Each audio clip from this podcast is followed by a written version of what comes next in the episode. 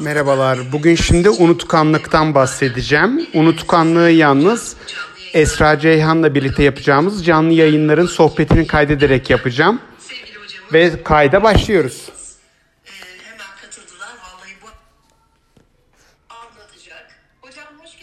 Hoş bulduk. Merhabalar.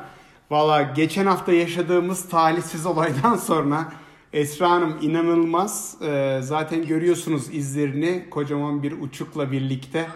Ee, sormayın. Ee, yani şey oldu. Tabii eve dönerken yollar tıkalı ama en büyük problem ee, bu yollarda kar lastiği takmayan arkadaşlar.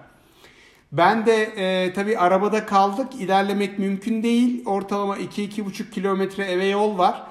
Dedim ki canlı yayınımız var. O kadar plan yaptık, program yaptık. Çıkayım yürüyerek geçeyim. Yürümeye başladım. İki gün boyunca evde mahsur kaldık. Yattık bayağı bir soğuk çarptı. E, maalesef ki onun için de e, tekrar bizi izleyenlerden çok özür diliyorum. Ee, geçen hafta canlı yayını bu yüzden yapamadık. Ama e, bu hafta bangır bangır yapacağız inşallah. Ee, bu hafta güzel şekilde e, planlayacağız. Hiçbir sıkıntı olmadan toparlayacağız inşallah. Hoş geldiniz. Ee, Hoş bulduk. geçmiş olsun. Evet, evet. Ee, ay çok üzüldüm vallahi. Keşke e, yürümeseydiniz ama insan bir an acaba hani gider miyim diye düşünüyor. Fakat kötü havalarda yol uzadıkça uzuyor değil mi hocam? A- aynen öyle. Ee, yani yolda işte yolda kayıyorsunuz. Bir sürü insan var ee, falan. Ee, hani sonuçta ben yürümeyi çok seviyorum. Karda da çok yürüdüm ama e, hem aktif çok yoğun kar yağıyordu geçen hafta.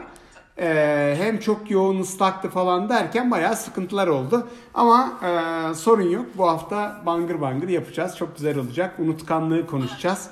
Ee, unutmadan konuşacağımız çok şey olacak inşallah. Evet. Geçen Hanım'ın da e, storyleri çok sempatikti hocam. Emek ettiniz. Onları da hazırlayın. Evet, sağ olun. E, falan dediniz. Yani hakikaten oradan güzel göndermeler oldu. Şimdi hocam ben de dün kendimce bazı sorular sordum. Çünkü etrafımızda tabii büyüklerimiz var. Onların e, yaş dönemlerini görüyorsunuz, gözlemliyorsunuz. E, unutkanlık ne zaman ciddiye alınacak? Yakın zamanı mı unutmak tehlikeli? Yoksa geçmişi, dünü, çocukluğu, ilk gençliği gibi yılları unutmak mı daha tehlikeli? Ee, hangi noktada unutkanlık eyvah dedirtmeli bize? Gibi benim sorularım olacak. Eminim ki siz neler neler hazırlamışsınızdır. Unutkanlık psikiyatrik sebeplere bağlı olabilir mi? Sıkıntı depresyondan. Ya da beslenmeyi düzenleyerek bazı e, takviyeler kullanarak bunları gidermek mümkün mü? Aklıma ilk gelen sorular bunlar. Evet yani unutkanlıkla ilgili olarak çok ciddi bir çalışma yaptım e, gerçekten de dediğiniz gibi. Tabii şimdi burada unutkanlığı biraz açmak gerekiyor. Yani unutkanlık nedir? E, neden unutuyoruz? E, bunu aşmak gerekiyor. Çünkü aslına bakarsanız bugün herhalde bizi izleyen 10 kişiye desek ki unutkanlık yaşıyor musunuz? 8'i evet yaşıyorum çok unutmaya başladım diyebilir. Ee, biz kendi içimizde e, çok fazla unuttuğumuzu düşünürüz. Ee, bunun sebebi aslında e, yakın hafızada değersiz bilgileri kodlamamak ve e, bir şeye e, yani bizim hafızamız içerisinde yer etmesine engel olmak aslında yapılan şey ama biz bunu unutkanlık olarak görürüz. İşte atıyorum yeni işe yeni başlayan bir kişiyle e, tanışırız ve ismini unutabiliriz. Ee, veya yolda karşılaştığımız veya işte bize telefon açan bir kişi der ki ya akşama şunu şöyle yapalım veya ailemizden bir kişi der ki akşama bunu yap Ee, ama biz onu unutabiliriz. Ya çok unutkan oldum. İşte karımın söylediği şeyleri unutuyorum. Annemin söylediklerini yapmıyorum. Aslında bu unutkanlık değil.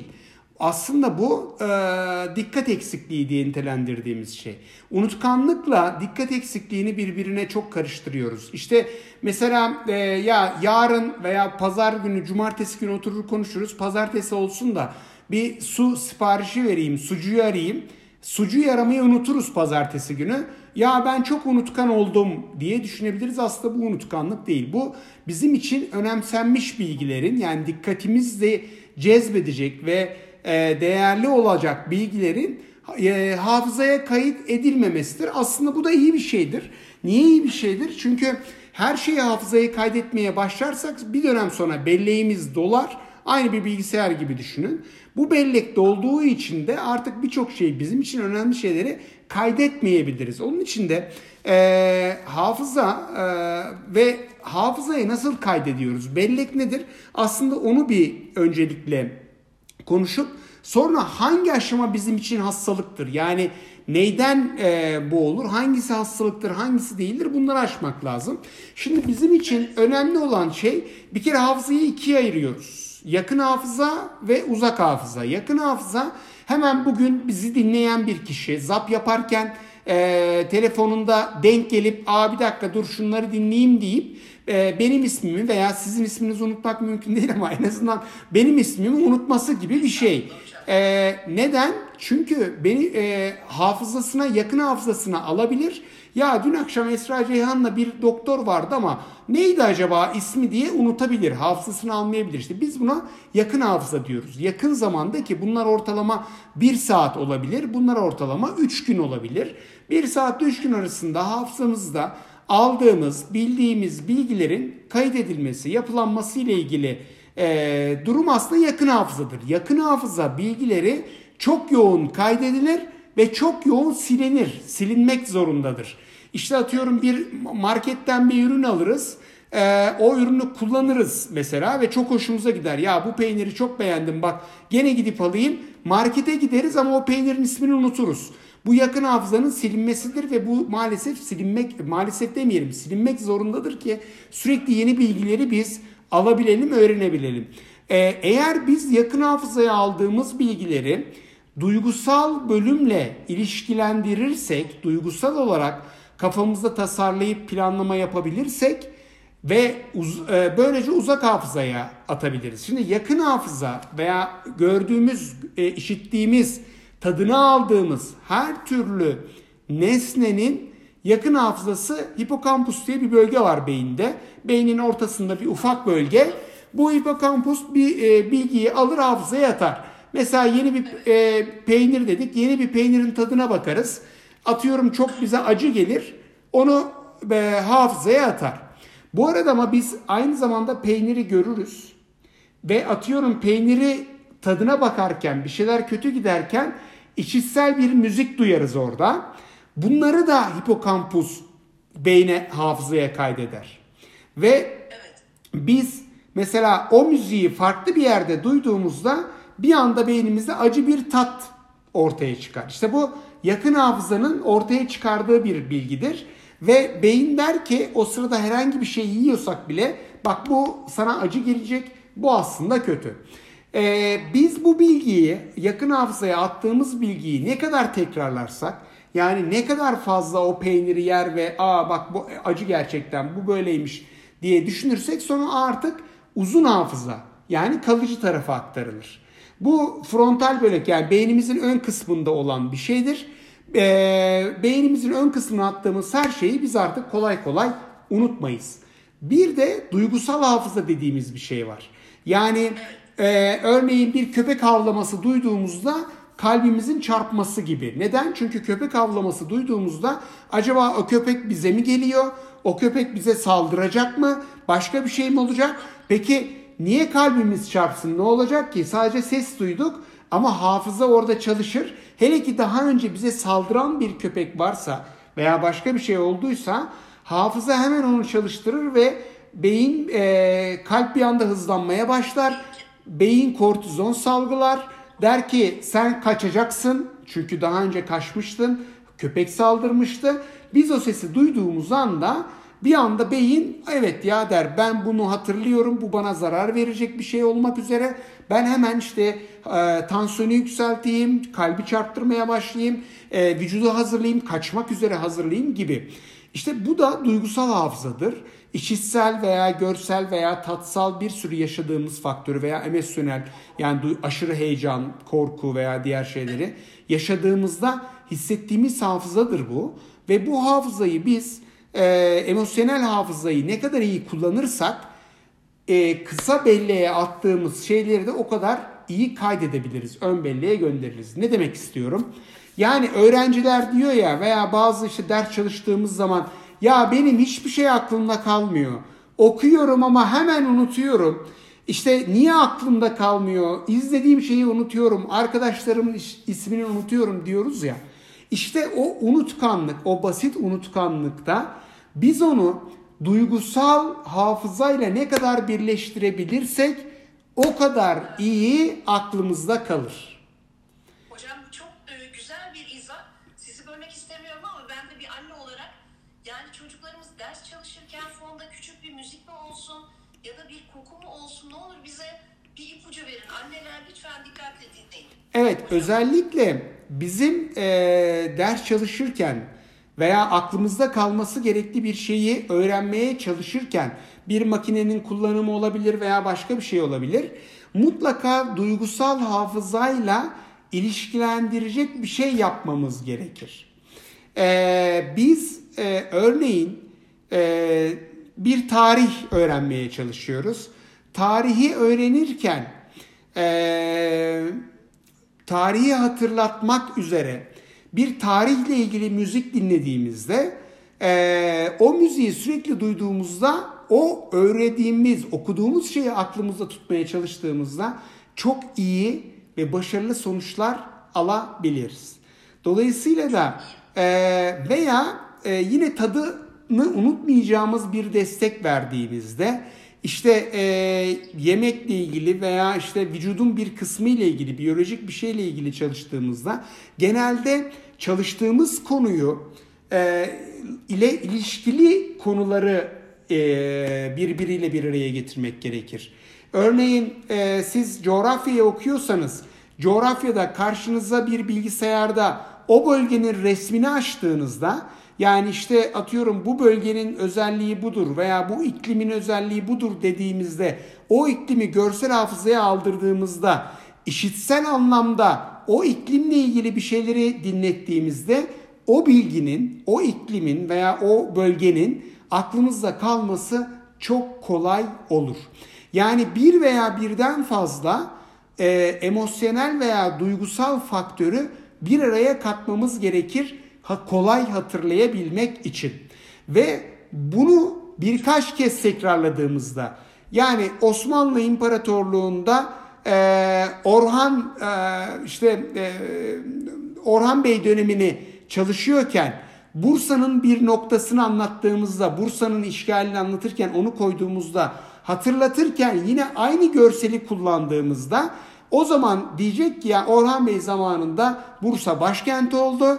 Ee, Bursa alındı ve işte deniz kıyısında şunlar büyütüldü. Yeniçeri Ocağı kurulmak için, ilk profesyonel ordu kurulmak için bunlar yapıldı. Dikkat ederseniz Orhan Bey zamanını çok iyi biliyorum Esra ee, Dolayısıyla bunları hatırlayacak destekleri aldığımızda o zaman öğrenme çok kolay hale gelir. Dolayısıyla bizim çocuklarımıza aslında yap, e, öğreteceğimiz bence. Çünkü öğrenme hayatımız boyunca çok önemli şeyler. E, kullanacağımız en önemli şeyler e, duygusal, e, görsel, işitsel, tatsal her, her anlamda destekleyecek faktörleri e, beraberine koyduğumuzda e, normal hafıza e, hipokampus hafızası, amigdala hafızası yani duygusal hafızayı bir araya getiriyoruz ve beyin bunu uzun hafıza olarak kaydediyor. Ama uzun hafızaya kaydedilen her şeyin mutlaka ama mutlaka tekrarlanması gerekir. Tekrarlanmayan her şey unutulmaya mecburdur. Onun için de biz ne kadar duysal biz ne kadar duysal bir destek sağlarsak Esra Hanım burada ne kadar fazla duyuyu kullanırsak unutmak o kadar zor olur. Biraz önce verdiğim köpek örneği gibi. Köpeğin sesini duyduğumuzda kalbimiz çarpıyorsa, kortizon salgılanmaya başlıyorsa, terlemeye başlıyorsak, içimize bir korku beliriyorsa, kaçmaya hazırlanıyorsak daha önce yaşadığımız köpek saldırısından ötürüdür. Peki köpek köpek saldırısında ne çalışır? Bir e, görsel hafıza çalışır. İşitsel hafıza çalışır köpeğin sesi. Acı çalışır. Köpek ısırdı, saldırdı. Korku çalışır. Bakın bir sürü e, dürtü beraberinde eşlendiğinde biz köpekle ilgili bir şeyi aklımıza getirdiğimiz an düşü, e, yaşadığımız zaman bile, gördüğümüz zaman bile anında bir sürü hafızanın ortaya çıkardığı bir faktörle hatırlamamız yani orada yaşadığımız sorunları hatırlamamız çok kolay olur. Ben kendimle ilgili bir örnek vereyim. 5 yaşındaydım. Ee, beni bir horoz e, didiklemişti öyle söyleyeyim. Ee, bir de e, mesela hafızada hafıza e, o duyguyla ilgili hatırlanması gereken olayla ilgili önce ve sonrayı genelde siler.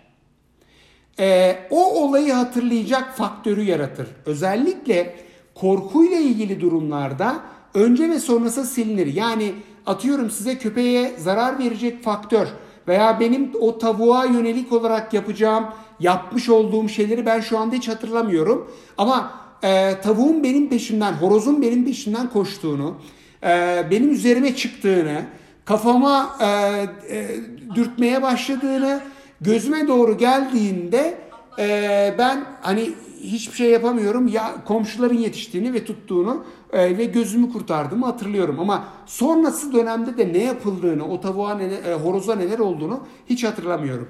Dolayısıyla hafıza öncesi ve sonrasını daima siler. Yani mesela siz e, bir tarih kitabı çalışırken, okurken tarih kitabını ya ben işte şöyle aldım, masama oturdum, önce kıyafetimi değiştirdim, sonrasında böyle bir şey yaptığımı hiç hatırlamazsınız.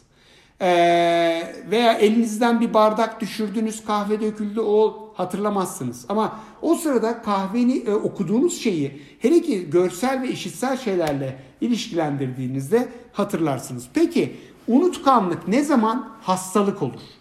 Hocam oraya geçmeden bir Evet. soru soracağım müsaade ederseniz. Tabii. Dediniz ki hani mesela çok çarpıcı bir anı anlattınız. Bir horozun saldırısı. Peki biz başka birinin anlattığı bir anıdan da aynı şekilde böyle bir korku yaşayabilir miyiz? Diyelim ki e, ben böyle bir şey yaşamadım ama sizinle konuştum ve şimdi benim artık o hafızama yazıldı.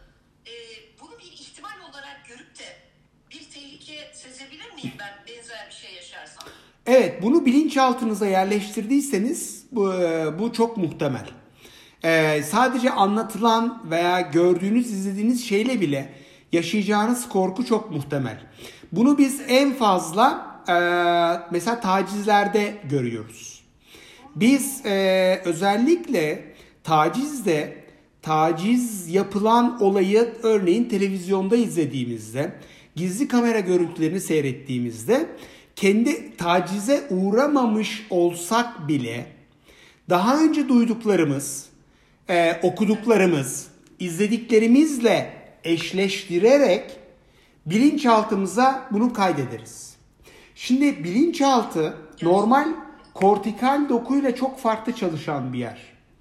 Ee, biz ben biliyorsunuz hipnozla da uğraşıyorum. Hipnoterapi de yapıyorum. Özellikle belirli grup hipnozlarda çok fazla çalışıyorum. Ee, bu bilinçaltında hipnoz bilinçaltıyla uğraşan e, bir bilim dalı. Ee, bilinçaltına kodlama bilince kodlamadan çok farklı çalışıyor. Yani hafızaya almadan çok farklı çalışıyor. Bilinçaltına kodlamada e, bizim daha önce yaşadığımız bir sürü faktörün e, birbiriyle ilişkilendirilmesi söz konusu. Örneğin amcası tarafından tacize uğrayan bir e, 10 yaşındaki genç kızı izlediğimiz zaman bu korkuyu kendi içimizde yaşayabiliriz. Ama siz 19, 10 yaşında değilsiniz, 19 yaşında değilsiniz. Yani o yaşta değilsiniz. Ama o yaşta buna benzer yaşamış olduğunuz bir şey veya içinizde hissettiğiniz ama o, o yaştayken yaşadığınız bir korku bilinçaltınıza kaydedilir. Ve o korku buna benzer bir olay olabilir, buna benzer arkadaşınızın anlattığı bir olay olabilir. Bunu siz hatırlamazsınız, hafıza siler ama o korkuyu birkaç emosyonel duyguyla ilişkilendirdiği için bilinçaltı kaydeder ve bilinçaltı daha sonra bunu size hatırlatır. Bilinçaltının ilişkilendirdiği olaylar, biraz önce söyledim ya emosyonel olaylarla bir araya getirmek yani işitsel yaşadığımız bir şey, tatla ilgili yaşadığımız bir şey gibi bilinçaltı bunu ilişkilendirir ve siz bir başkasının yaşadığı faktörü sanki yaşıyormuş gibi, yaşamışsınız gibi o korkuyu yaşarsınız ve bilinçaltı bir horoz gördüğünüzde ya bu beni üzerime atlarsa, bu benim çocuğuma zarar verirse yani sadece sizin için değil, sizin için değerli olan şeylere zarar vermesi anlamında da bunu hafızada ön plana alır ve hatırlatır. Ve bunu yine emosyonel olarak hatırlatır. Yani e, kalp atışınız çok ciddi şekilde hızlanır. E, bir anksiyete durumu yaşarsınız. Bir anda kızmaya başlarsınız. Bir korku yaşamaya başlarsınız. Ve bunu da ilişkilendiremezsiniz. Veya tatsal bir değişiklik olur. Yani bunu yaşadığınız dönemde atıyorum e, bir havuç yiyorsanız bir anda ağzınızda havuç tadı belirebilir. E, genelde bu tarz o e, ilişkilendirme çok fazla yaşanır beraberinde. Dolayısıyla e, haklısınız siz o olayı yaşamamış olsanız bile sonrasında o korkuyu birkaç kez e, bilinçaltınıza yaşatarak ve ka- e, kaydederek size normal bilinçli bir halinizdeymiş gibi e, yaşatabilir beyniniz. Şimdi burada evet evet aynen öyle ve çok çocukluğa dair nadir hatırladığım şeylerden birisidir o. Ee, ve e, eminim bizi izleyenler arasında da çok fazla e, vardır. Tabii şimdi e, biraz önce söylediğim şey biz hani e, etrafımızdakilere sorsak desek ya unutkanlık yaşıyor musun e, demiştim yani bizi izleyenlere sorsak 10 kişiden 8'i unutkanlık yaşadığını sö- söyler. Bir unutkanlık ne zaman hastalık olur bu çok önemli bakın. Unutkanlığın hastalık olabilmesi için öncelikle e, belirli günleri unutmak ve sürekli tekrarlamak gerekir. Mesela siz e, sohbet e, ederken bir cümleyi unutabilirsiniz ama hiç hatırlamazsınız ama bu bir cümleyi unutmak değildir. Aynı zamanda sürekli cümleleri unutmaya başladığınızda bu ya acaba bir hastalık var mı diye bizde düşündürür. Veya mesela kapıyı açarsınız kapının üzerinde anahtarı unutursunuz. E şimdi diyeceksiniz ki ya ben daha önce unuttum. Unutabilirsiniz bunda sıkıntı yok. Eğer beyniniz o sırada çok yoğunsa, iş yerinde çok ciddi bir şey yaşıyorsunuz, psikolojik olarak çok ciddi bir sıkıntı yaşıyorsunuz, ee, size bir mahkeme yazısı gelmiş, bir icra yazısı gelmiş, ee, ailenizden birisi çok ciddi hastalanmış. Şimdi bu durumda yaşadığınız ve dikkatiniz başka bir yerdeyse kapının üzerine anahtarı unutursunuz bu sıkıntı değil. Ama siz bir haftada 5 kez 6 kez anahtarı unutmaya başladığınızda bu işte bir hastalık olarak düşünülebilir. İşte ocağa yemeği koydunuz ve unuttunuz. Sıkıntı yok. Ama bu unutkan artık her hafta 3-4 kez ocakta yemek yanmaya başlıyorsa bu bizim için sıkıntı. Ee, çok sizin için çok önemli eşyaları ee, mesela özel eşyaları kaybedebilirsiniz, özel günleri unutabilirsiniz. Bu sizin dikkatinizle alakalı bir şey. Genelde hep hanımlar kızar. Ya evlilik yıl dönümü unuttu, doğum gününü unuttu, sevgililer gününü unuttu. Bu önemsenmişlikle yani verdiği değerle çok alakalı bir şey. Şimdi tabii ben böyle söylüyorum hemen e, eşlere kızmayın lütfen. Başka önemsenen şeyler ön plana çıktığında çocuğun okul problemi, çocuğun sağlık problemi, ailesel sağlık problemleri bu özel günler unutulabilir. Ama sürekli bir unutkanlık söz konusu olduğunda bu bizim için önemlidir. Şimdi bakın bunu nasıl ayıracağız? Daha böyle somut örnekler verelim. Yani biz bir kişiye unutkanlık hastalığı var, demans var teşhisi koyabilmek için özellikle bu kişiler artık normal yaşamını sürdüremez hale gelir. Eğer bir hastalıksa. Örneğin ee, fatura ödemeyi artık unuturlar. Yani faturayı ödemezler ve bu artık kilitlenmiş şey. Elektrikleri kesilir, su kesilir. Uygun giyinmezler örneğin. Yani bir çorabı farklı giyerler, bir çorabı farklı giyerler. İşte ee, kısa kollu giyip altına e, kaşmir bir e, pantolon giyebilirler. Kışlık bir pantolon giyebilirler gibi. Yani kıyafetleri çok uygun değildir artık. Birbiriyle uyumlu olmaz.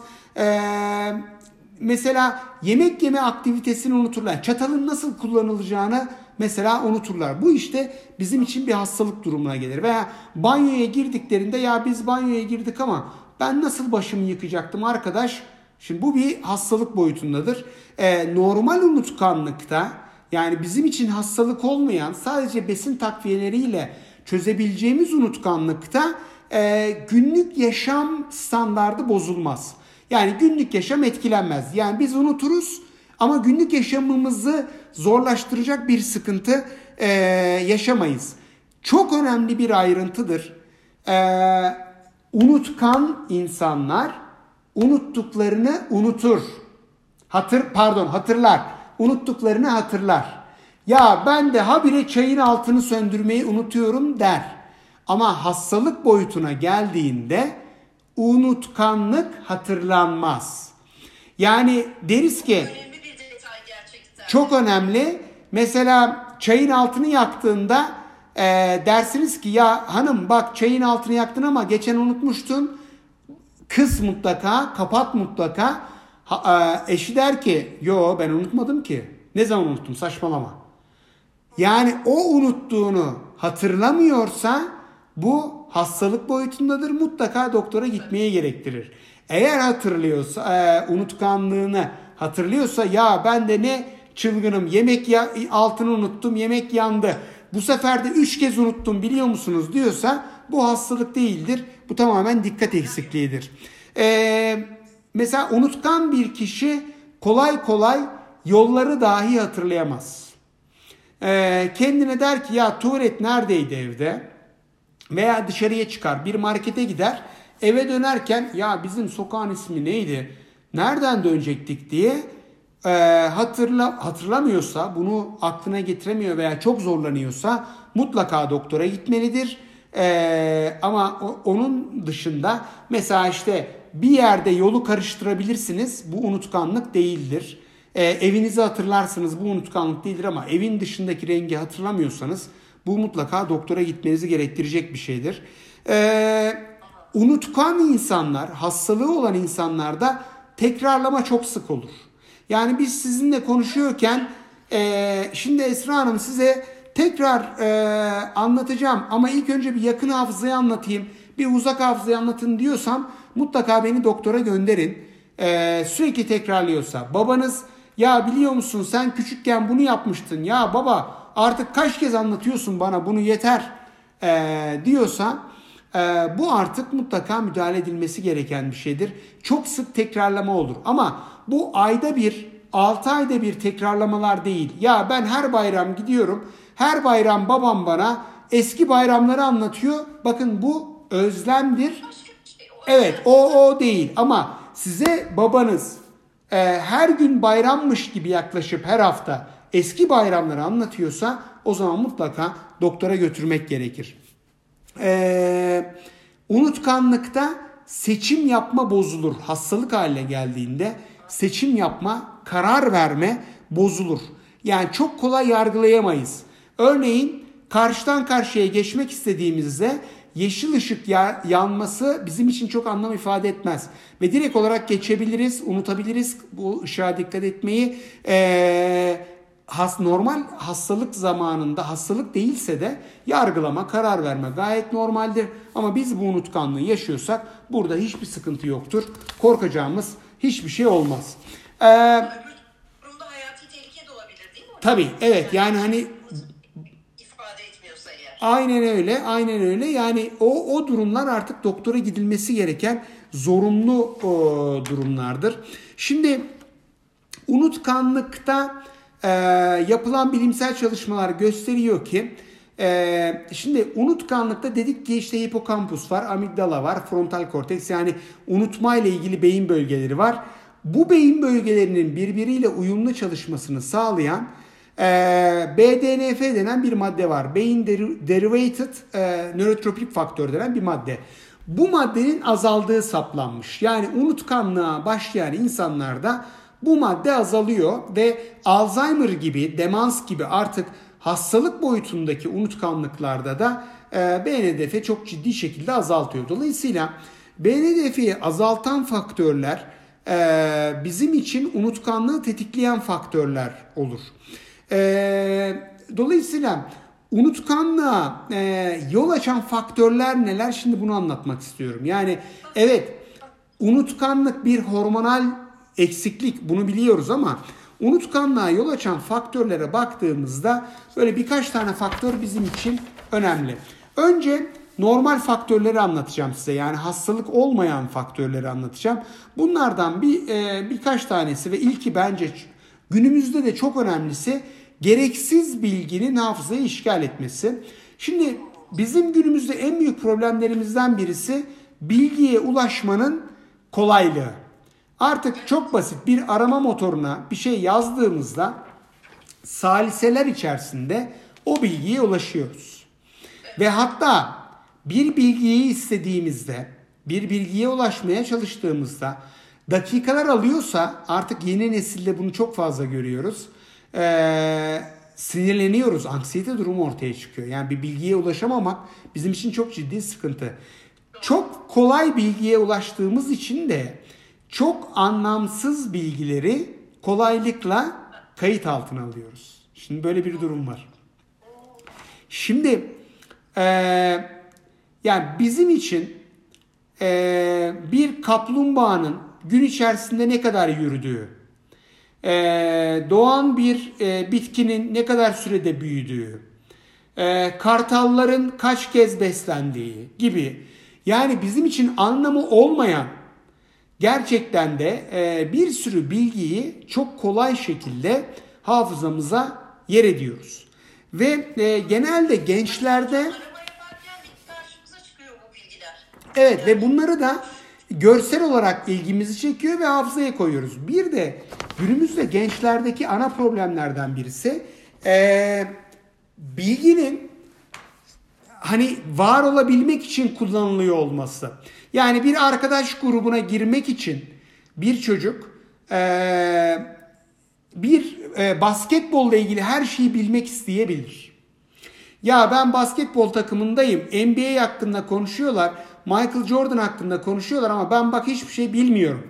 Veya bir e, kızın ya moda ile ilgili işte efendim şu moda bakın Esra Hanım bugün bunu giymiş. Ben bunu sohbet edeceğim ama bunu biliyor olmam lazım. Hemen hafızama yazayım. Şimdi bu tarz bir sürü bilgiyle e, hafızamızı doldurabiliriz. İşte bu gereksiz bilgiler hafızamızda işlendiğinde e, yeni bilgi almak zorlaşır. Çünkü hafıza belirli bir düzey, aynı bilgisayar gibi düşünün. Belirli bir miktar kadar alır. E, bilinçaltını ayrı bir yere koyuyorum. Dolayısıyla o bilginin depolanması için gereksiz bilgileri mutlaka ama mutlaka silmek gerekir eğer ciddi bir unutkanlık yaşıyorsanız. Ee, bunun beraberinde teknolojik aletlere de çok maruz kalma, aşırı maruz kalma da çok ciddi sıkıntı yaratıyor. Teknolojik aletler çünkü günümüzde artık yani cep telefonları, bilgisayarlar, laptoplar, iPad'ler her yerde. Ee, özellikle oyunlar her yerde ve bunlara maruz kalmak da e, kafamızı oyunlarla meşgul etmekte maalesef ki e, kayıt da çok ciddi e, sıkıntılara yol açar. E, yine bence e, unutkanlığa yol açan en önemli şeylerden birisi e, hatırlamaya ihtiyacımızın olmaması. Şimdi cebimizde cep telefonu olduğu sürece bir bilgiyi hatırlamak için uğraşmayız. Kaydetmek için de uğraşmayız. Neden? Çünkü deriz ki tamam bir dakika ne oldu ben evet saniyeler içinde ulaşabiliyorum. Dolayısıyla kayıt etmek için uğraşmayız. Tıpta şöyle bir gerçek vardır. Kullanılmayan organ küçülür, yok olur. Dolayısıyla beynimizde? Yani beynimizi eğer kullanmazsak, kullanma ihtiyacı hissetmezsek, mesela beynimizdeki hafıza bölgesini yormazsak, çaba göstermezsek maalesef zamanla beynin hafıza kapasitesi azalır. Yani biz artık öğrenemeyiz. Bilgiyi hafızaya kaydedemeyiz. Bu nedenle şey o kadar önemli ki. evet Bilgiyi haftaya kaydedip öğrenme işlemini bir anlamda durdurmuş oluyoruz. Aynen öyle. Bu nedenle eee, hatırlamamız gereken bilgiyi mutlaka ama mutlaka cep telefonuna değil hafızaya kaydedip bunu da ara dönemlerle tekrarlamamız. Mesela cep telefonunu tekrarlamakta kullanmamız. İşte bugün şu bilgiyi tekrarla gibi bu tarz bir destekte kullanmamız çok büyük fayda sağlayacaktır. Yine hafızayı bozan çok önemli şeylerden birisi bakın televizyon. Çünkü televizyonun iki önemli büyük e, bize dezavantajı var. Bunlardan birincisi e, düşünme yetimizi televizyon alır. Bize hazır sunulmuşu farklı şekilde gösterebilme yeteneğini ortaya çıkartır. Yani e, hepimiz biliyoruz ki bir sürü dizide, bir sürü sinemada aslında çok farklı şekilde bir ortam hazırlanabilir. Gündüzken gece gibi gösterilebilir. Olmayan bir şey varmış gibi gösterilebilir. Ve biz bunu görsel hafızayı kullanarak e, ve işitsel hafızayı destekleyerek belleğe kaydetmeye çalıştığımızda yanlış kaydederiz. Yanlış kaydettiğimiz için de maalesef doğruyu bilmeyen bir hafıza ortaya çıkar. Ve bizim hafızamızın gelişmesini engellediği gibi doğru bilgiye erişmeyi de engeller. Cep telefonlarımızda yaşadığımız en büyük problemlerden birisi budur. Ee, cep telefonları e, hele ki sosyal medya doğru bilgiye ulaşmakta bizi yanıltabilir. Öyle bir demagoji yaratılır ve öyle bir şekilde sunulabilir ki günümüzde aslında bambaşka bir tabloda biz bir şeyleri düşünebiliriz ve bunu hafızaya kaydedip maalesef ki o yanlış bilgiyi hafızamızda sürekli tekrarlamasını yol açarak yanlış bilgiyi sürekli kullanır hale getiririz. İşte e, Gara'da şehit olan e, vatandaşlarımızın şehit fotoğraflarını farklı bir şekilde lanse edip bambaşka bir şey kafamızda yaratılabilir ve biz bambaşka bir olguyla aslında hiç insanlara inanmayacak şekilde hareket edebilir. Onun için hafızayı olumsuz etkileyen, şimdi başka bir konuya geçtik ama hafızayı olumsuz etkileyen önemli şeylerden birisi maalesef ki televizyonlardır. Dolayısıyla eğer hafıza problemi yaşıyorsak, evet hafıza problemi yaşıyorsak kısıtlı şekilde e, televizyonu çocuklarımıza seyrettirmek ve seyretmek bizim için oldukça önemlidir. Bir diğer hafıza... Soracağım ne olur unutmayın. Tabii. Çok önemli bir konu. Siz de çok iyi takdir edersiniz.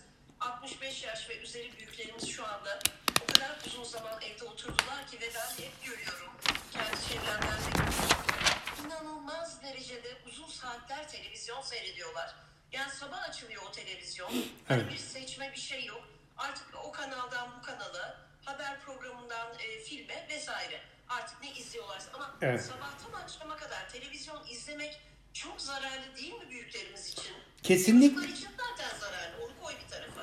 Kesinlikle öyle. Ee, özellikle bize. özellikle ileri yaşta hafızayı sürekli olarak diri tutabilmek bu o, biraz önce bahsettiğim hormon seviyesi azalıyor ve unutkanlık ortaya çıkıyor. Demans hastalığı, Alzheimer orta, ortaya çıkıyor demiştim. İşte bu Alzheimer ve demansın engellenmesi anlamında e, çok etkili olacaktır açıkçası e, televizyondan uzaklaşmak.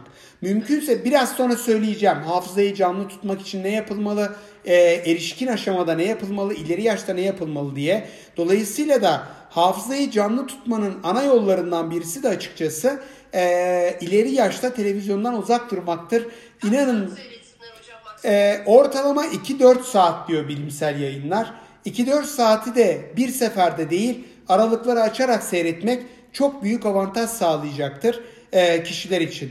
Yine e, hafızamızı e, güçlü tutmanın en önemli yollarından birisi uykudur. Unutkanlığı arttıran, e, demans yaratan, e, Alzheimer'ı tetikleyen ana faktörlerden birisi uyku problemleridir. Az uyumak, 6 saatten az uyumak, ortalama mesela 3-4 saat her gün uyumak veya çok uyumak. 8 saatin üzerinde uyumak. Bakın bu da çok önemli. 8 saatin üzerinde uyumak gerçekten de e, unutkanlığı tetikleyen ana faktörlerden birisidir. Dolayısıyla unutmamak için uykumuzun iyi olması gerekir. Yine unutkanlığı tetikleyen e, faktörlerden birisi alkol ve uyuşturucudur. Sık alkol kullanmak, yoğun alkol kullanmak, uyuşturucu kullanmak gerçekten de beyindeki bu hormonal aktiviteyi azaltır. E, ciddi şekilde de unutkanlığa yol açar. E, yine bakın çok önemli bir şeyden bahsedeceğim. Daha önce de vurgulamıştık. Unutkanlığa yol açan en sık gördüğümüz etken nedir biliyor musunuz? Bilinçsiz yapılan diyet. Çok ilginç bakın. Ha, B12 eksikliği falan mı hocam? B12 eksikliği de unutkanlık yapar. Daha oraya gelmedim. Ha, oraya gelmedi. Oraya gelmedim. Oraya geleceğim. Vit- vitamin mineral eksikliklerini anlatacağım ama be- e, bilinçsiz yapılan diyetler, uzun süreli açlık diyetleri, e, çok yoğun proteinden ağır diyetler gibi bir sürü faktör unutkanlığı arttırır. İnsülin direncini tetikleyen faktörler, hani az az sık sık yiyin diyetleri unutkanlığı arttırır.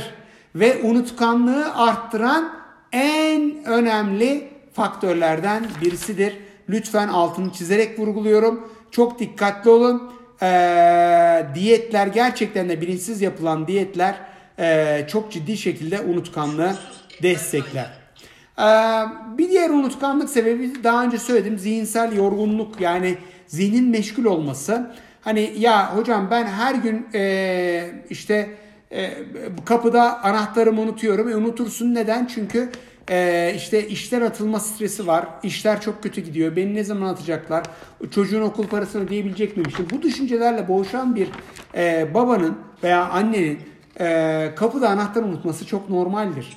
Yemeği ocakta unutması çok normaldir. Dolayısıyla yoğun düşünsel stresler de e, işte çok yoğun bir hastalığa yakalanan, çok ciddi bir tedavi gören bir kişinin unutkanlığı yaşaması normaldir. Ama bu da unutkanlığı tetikleyecek bir faktördür. E, bunun dışında tıbbi nedenler var. İşte mesela kafa travmaları unutkanlığı arttırabilir. Parkinson e, gibi hastalıklar unutkanlığı arttırabilir. Beyindeki tümörler unutkanlığı arttırabilir ama lütfen şimdi ben bunu söyledim diye hemen tamam beynim ben çok unutkanım beynimde tümör var herhalde diye düşünmeyin. Ee, bu çok nadir görülen bir şey. Ee, söylediğiniz vitamin eksiklikleri unutkanlığı çok ciddi arttırır. Vitamin B12 eksikliği, D vitamini eksikliği, omega 3 eksikliği, e, magnezyum e, eksikliği, kalsiyum eksikliği unutkanlığı arttıran bir faktördür. Ee, özellikle folik asit eksikliği yine aynı şekilde arttırabilir. Bir de kullanılan ilaçlar da e, unutkanlığı arttırabilir. İnaktif bir yaşam mesela unutkanlığı arttırır. Yani e, işte bizim şu anda erişkinde e, büyüklerimizde 65 yaş üstünde gördüğümüz en büyük problem inaktif bir yaşama geçtiler. Sürekli evdeler. E, inaktif bir yaşam da unutkanlığı çok ciddi şekilde tetikler ve arttırır. Ee, onun için de e, buradan uzak durmak da bizim için çok önemlidir. Bunun dışında bazı yaşam sözünüzü unutmayın. Bu inaktif yaşam hareket güçlüğü de getirir mi? Yani adım atmada bir unutkanlık yapar mı ya da dengede durmada yani her zaman rahat yaptıkları fiziki aktiviteleri bir süre sonra yapamaz hale gelirler mi? Ee, bu çok ileri boyutta olur. Yani e, özellikle e, artık Alzheimer Evet Alzheimer tanısı konduktan veya demans tanısı konduktan sonraki aşamada gördüğümüz bir olaydır. Ee, o e, şeyi yavaşlatır. Ancak burada e, fiziksel aktivitenin kısıtlanmasında kastımız mesela işte bir gün içerisinde 5000 6000 adım atan 65 yaş üstü bir kişi eğer artık bu adımları atmıyorsa e, yani kan dolaşımını hızlandırmıyor, kalp atış hızını belirli bir seviyeye çıkaramıyorsa o zaman artık unutkanlık daha yoğun görülmeye başlar. Başlangıçta e, yakın hafıza unutulmaya başlanır. Özellikle bu o, kişilerde. Sonra uzak hafıza e, hatırlanmaz. Yani şunu söylemek istiyorum. Akşam yediği yemeği unutmaya başlar başlangıçta. E, veya 3 gün önce, bir hafta önce tanıştığı bir kişiyi unutur. Ama ondan sonra e, çocukluğunu unutmaya başladığı zaman artık uzak hafıza erişilmez dönemdir. Bazı hastalıklar yine unutkanlığa çok ciddi yol açıyorlar. Mesela ağır metaller çok ciddi unutkanlık yapan faktörler. Alüminyum mesela burada çok etkili. Kurşun çok etkili. E, karaciğer hastalıkları e, unutkanlık yapar. kan şekerinin çok hızlı düşmesi, görme ve işitme bozuklukları ve çok şiddetli depresyonlar da unutkanlık yapar. Bakın e, sevgilisinden ayrılmış, karısından ayrılmış bir kişi çok ciddi depresyon içerisindeyse e, o dönemi çok hatırlamak istemez. Bir de beynin kendini koruma mekanizması vardır. Çünkü yaşadığımız emosyonel stresler gerçekten de e, vücudumuzu çok ciddi sıkıntıya sokacak stresler ise beyin bunları unutmakla çaba e, gösterir. E, yani frontal korteks dediğimiz uzun hafızaya çok kaydetmek istemez. Örneğin e, yaşadığımız bir psikolojik stres, bir eş stresi, bir e, iş yerinde yaşadığımız bir stres, mobbing e, zaman içerisinde unutulur. Ve genelde dikkat edin 10 yıl sonra karşılaştığınız ve atıyorum küs olduğunuz bir arkadaşınızla çoğu zaman niye küstüğünüz, nasıl stresler yaşadığınızı hatırlamazsınız. Yani beyin daima kötü şeyleri siler, iyi şeyleri daha ön plana çıkartır. Ee, dolayısıyla da e, bunu da koruma mekanizması olarak yapar. Yani e, çünkü beyin kötü şeyler yaşadığında yaşadığı diğer emosyonel davranış durumlarını işte kortizon salınması, kalp atış hızının artması, e, aşırı terleme, stres bunları ya, vücuda yaşatmamak için bunlar vücuduna zarar vereceği için e, bu hafızayı siler yerine daha iyi olanları koymaya çalışır, tutmaya çalışır. Bundandır ki biz uzun dönemde yaşadığımız sıkıntıları e, çok da hatırlamayız. Yani okul zamanı örneğin ortaokulda yaşadığınız öğretmen şiddetini ancak gülerek hatırlarsınız. Orada yaşadığınız o duygu durum bozukluğunu veya işte ya ben çok sinirlenmiştim, arkadaşlarımın karşısına rezil olmuştum. Onları çoğu zaman hatırlamazsınız. Nasıl rezil oldunuz, ne yaptınız, ne yaşadınız onları hatırlamazsınız. Sadece orada bir belki çok silinmeyen bir hafızaysa o da silik dökük aklınızda kalabilir. Bu da aslına bakarsanız bir koruma e, mekanizmasıdır. Ama unutkanlığa yol açan bir faktör olarak da karşımıza çıkar. Şimdi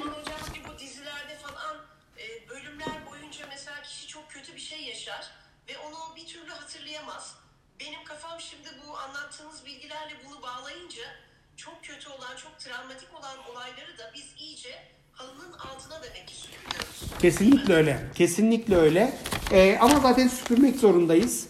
Ee, eğer bunları süpürmezsek çünkü şimdi e, beynin e, hipnoterapide e, bilinçaltının daima çalıştığı konu kendisinin haklı veya doğru e, olduğuna inandırmaktır. Eğer bir kişi kendisinin sürekli kötü, e, vasıfsız, başarısız, çirkin e, olduğunu düşündürürse bu bir dönem sonra intihara sürükler. Çünkü hayattaki gerekliliğini ortadan kaldırır.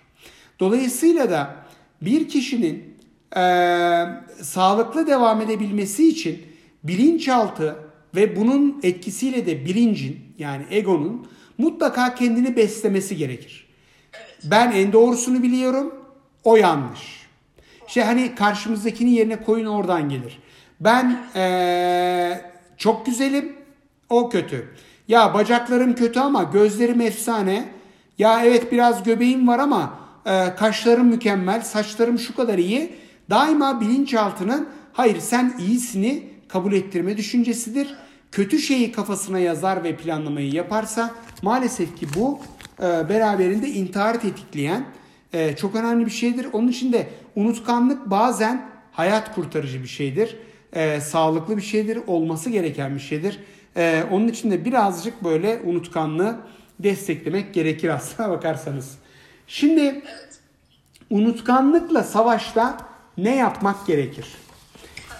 Bir kere e, unutkanlığı yaşayan bir kişi e, bir hekime başvurduğunda mutlaka bununla ilgili tahlilleri yapmak gerekir. Örneğin hipotiroidi, haşmatotiroidi ciddi unutkanlığa yol açan önemli hastalıklardan birisidir. Yani metabolizmayı etkileyecek rahatsızlıklar unutkanlığa yol açar. Dolayısıyla unutkanlık yaşayan bir kişinin ciddi şekilde e, bir incelemeye tabi tutulması gerekir. Kan testleri yapılması gerekir. Gerekli olursa tomografi çekilmesi gerekir. Gerekli olursa tedavilerinin planlanması gerekir. Ve hatta ve hatta e, ciddi şekilde bir organizasyonla e, detay incelemelerin unutkanlıkla ilgili testlerin, demans testlerin, mini mental testlerin mesela yapılması, anksiyete skalalarının değerlendirilmesi ve ölçümlenmelerin yapılması gerekir ve buna göre bir tedavi planlaması yapılması gerekir. Tedavide var olan hastalık mutlaka tedavi edilmelidir. Eksik olan vitaminler giderilmelidir veya desteklenmelidir. Eksik olan mineraller giderilmelidir ve desteklenmelidir. Ama aynı zamanda yaşamsal bazı önerilerde bulunmak gerekir. Yaşamsal bazı öneriler nelerdir? Yani biz hafızayı nasıl güçlendiririz? Yakın hafızanın uzak hafızaya alınabilmesi için bir kere yakın hafızadaki bilginin bir sürü duyguyla ilişkilendirilmesi gerektiğini zaten söyledik. Yani yakın hafızaya aldığımız bir bilgi işte ee, alışveriş merkezlerine gireceğimizde maskemizi takmamız lazım. Şimdi bu yakın hafıza. Yakın hafızaya aldığımız bir ama işte ya girişte unuttuk ve bizi uyardılar.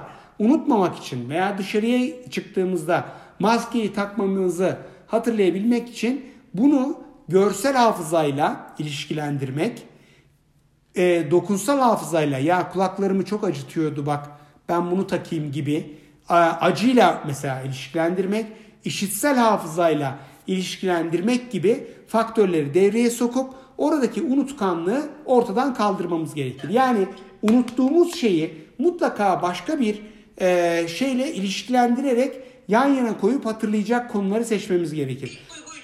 Evet bir duyguyla, bir konuyla, doğum tarihiyle, anneyle, babayla herhangi bir şeyle daima ilişkilendirmek bunu hatırlamayı çok kolaylaştırır. İkincisi e, hafızayı direkt olarak yakın hafızadaki bilgiyi tekrarlayacak bir plan çıkarmak gerekir. Çünkü yakın hafızadaki bilginin uzak hafızaya atılması ancak tekrarla mümkün olur.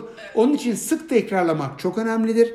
Neyi tekrarlayacağını iyi bir planlama halinde getirirsek ciddi şekilde e, bu e, bizi kolaylaştırır. Yani hatırlamamızı kolaylaştırır ve bir bilgiyi çok kolay hafızaya almamıza e, yol açar. Bunun dışında e, bol su içmek hafızaya almayı çok kolaylaştıran bir faktördür. Her 20 kilograma e, 1 litre su olacak şekilde içersek hafızaya almamız çok kolaylaşır. Kitap okumak hafızaya almayı çok kolaylaştıran bir şeydir. Lütfen ama lütfen her gün bir saat boyunca e, kitap okumak bizim için çok önemlidir. E, beslenmemize çok dikkat etmek gerekir. Yine unutkanlık problemi olan, e, hafızaya almakta güçlenen, derslerinde başarısız olan kişilerin e, beslenme programını düzenli hale getirmek çok önemlidir. Örneğin insülin direnci olan hastalarda unutkanlığı gidermek veya unutkanlığı olan hastalarda aralıklı oruç sistemini yapmak. Yani 16 saat, 14-16 saat boyunca açlığı yaşayıp gece gündüz beslenmeyi ve mümkünse iki öğün beslenmeyi sağlamak çok ciddi şekilde unutkanlığı azaltır. Nereden mi biliyorum? Çünkü yapılan çalışmalar gösteriyor ki aralıklı oruç bu e, BDNF hormonunu arttırıyor. Yani beyin e, brain derived e, nörotropic faktörü yani unutmamamızı sağlayan e, maddeyi beynimizdeki maddenin miktarını arttırıyor ve e, ciddi şekilde unutkanlık engelleniyor. Yine çok ilginç bir şey söyleyeyim size. E, unutkanlığı olan kişilere bir tavsiye. Egzersiz ama nasıl egzersiz? Unutkanlığı azaltan çok önemli faktör. 30-90 egzersizi unutkanlığı çok ciddi şekilde azaltır. Nedir 30-90 egzersizi? Egzersiz yapmaya gittiniz. Ee, 30 saniye hızla koşup 90 saniye normal yavaş adımlarla yürüdüğünüzde ve bunu 8 ila 10 kez tekrarladığınızda unutkanlığınız çok ciddi şekilde azalır. Bunu nereden biliyoruz? Yine BDNF hormonu bu şekilde çok ciddi artar. Onun için de sınava hazırlanan çocuklarda günlük olarak en az yarım saat boyunca böyle uzun süre egzersiz yapamıyorsa da 1-2 saat veya 3 saat ders çalıştı. Sonra çıkıp 30 saniye koşup 90 saniye yürüyüp 30 saniye koşup 90 saniye yürüyüp bunu 10 kez tekrarladığında çok ciddi şekilde unutkanlığı engelleyen, hafızayı destekleyen hormonu arttıracaktır ve çok kolay e, unutkanlığı e, ortadan kaldıracaktır. Bunu herkes yapabilir. Dolayısıyla sevgili dostlar unutmamak için 30-90 kuralını uygulamamız oldukça önemli diyoruz. Bunun dışında e, arkadaş çevresi unutkanlığı azaltmada oldukça önemli bir faktördür. Mümkün olduğunca fazla e, kişiyle görüşmek unutkanlığı azaltmada önemli bir faktördür.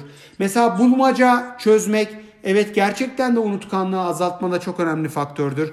Hatta e, bulmacayı çözerken araştırma yaparak çözmek, e, onu hafızada tutabilmek için aa bak buymuş, bir dakika dur şimdi ben nasıl bunu hatırlayabilirim?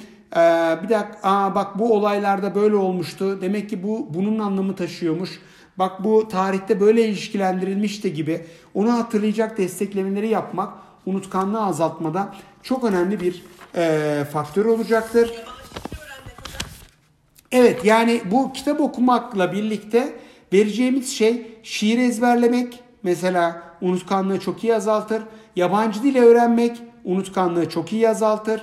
Ee, şarkı söylemek ve şarkı sözleriyle öğrenip söylemek ve bunu tekrarlamak unutkanlığı çok ciddi şekilde azaltır. Aynı zamanda e, beslenme de unutkanlığı çok ciddi şekilde azaltır. Dolayısıyla unutkanlığı yaşayan bir kişi nasıl beslenmelidir? Şimdi ona gelelim, onu anlatalım. Ee, şimdi unutkanlıkta önemli faktörlerden birisi e, balık, balık tüketmek, omega 3 daha doğrusu. Ee, özellikle e, unutkanlık, unutkanlığı yaşamamak veya belirli bir e, yaştaysanız özellikle e, unutkanlığı yaşamamak için haftada en az 3 kez omega 3 seviyesi yüksek olan beslen, beslenmeyi yapmamız bizim için çok iyi olacaktır. Burada ülkemizde çok fazla bulunan hamsi, sardalya çok etkilidir. Yoksa da somon balığı, Norveç somon olabilir veya başka bir şey olabilir. Oldukça etkilidir. Yani omega 3 bizim için çok değerlidir. Ancak omega 3'ler 3 gruba ayrılır. İşte DHA, EPA ve EPI.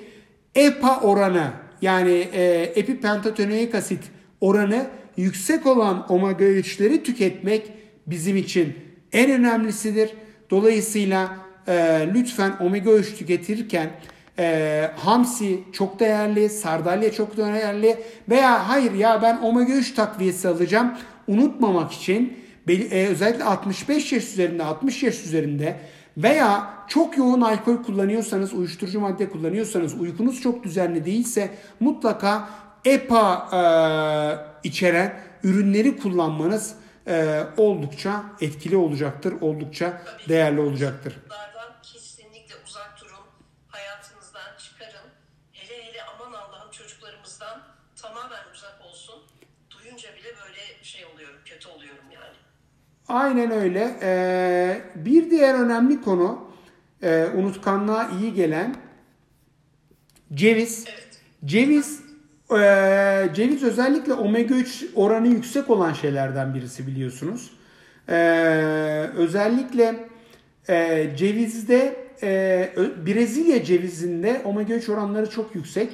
Ama bizim ülkemizdeki cevizler de gayet iyi.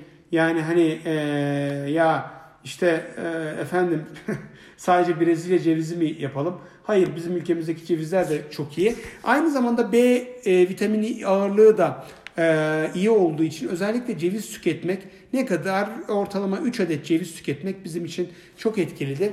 E, bir, Bundan beri her gün ben 3 tane cevizi muhakkak tüketiyorum hocam. Harikasınız çok iyi. Çok iyi çünkü ceviz gerçekten de o kadar sağlıklı, e, vitamin ve mineral dengesini sağlayan o kadar güzel bir kuru yemiş ki e, ve bizim ülkemizde de çok iyi bulunduğu için mutlaka ama mutlaka tüketmek çok değerli oluyor. Yine domates e, bizim için e, çok önemli hafızayı güçlendirmek için antioksidan kapasitesi çok yüksek. Özellikle kabuğuyla birlikte e, tüketmek e, çok iyi e, ama tabii ki mevsiminde tüketmek çok önemli. Burada e, ıspanak e, unutkanlıkta çok sık kullandığımız sebzelerden birisi. E, neden ıspanak diyorum? Çünkü ıspanak ee, aynı zamanda vitamin ağırlığı bakın pazı veya diğerlerinde o kadar değil ama ıspanakta içerdiği demir, C vitamini, folik asit, B vitamini, B6, B1 anlamında çok yoğun olduğu için ıspanağı hele bir de çiğ tüketirsek diyeceksiniz ki ya ıspanak çiğ tüketilir mi? Valla ben ıspanak salatası yapıyorum inanılmaz güzel oluyor. Çok güzel oluyor. Yani ıspanağı çiğ tüketmek büyük bir başarı. Onun için de ıspanağı çiğ tüketirsek çok büyük fayda sağlayacaktır. Çok büyük destek olacaktır. Ee, yine ha, bari bir sotelesinler değil mi hocam? Aynen öyle. Aynen öyle, aynen öyle. Nar suyu şeyde çok etkili olan ürünlerden birisi. Ee, antioksidan özelliği de çok yüksek olduğu için unutkan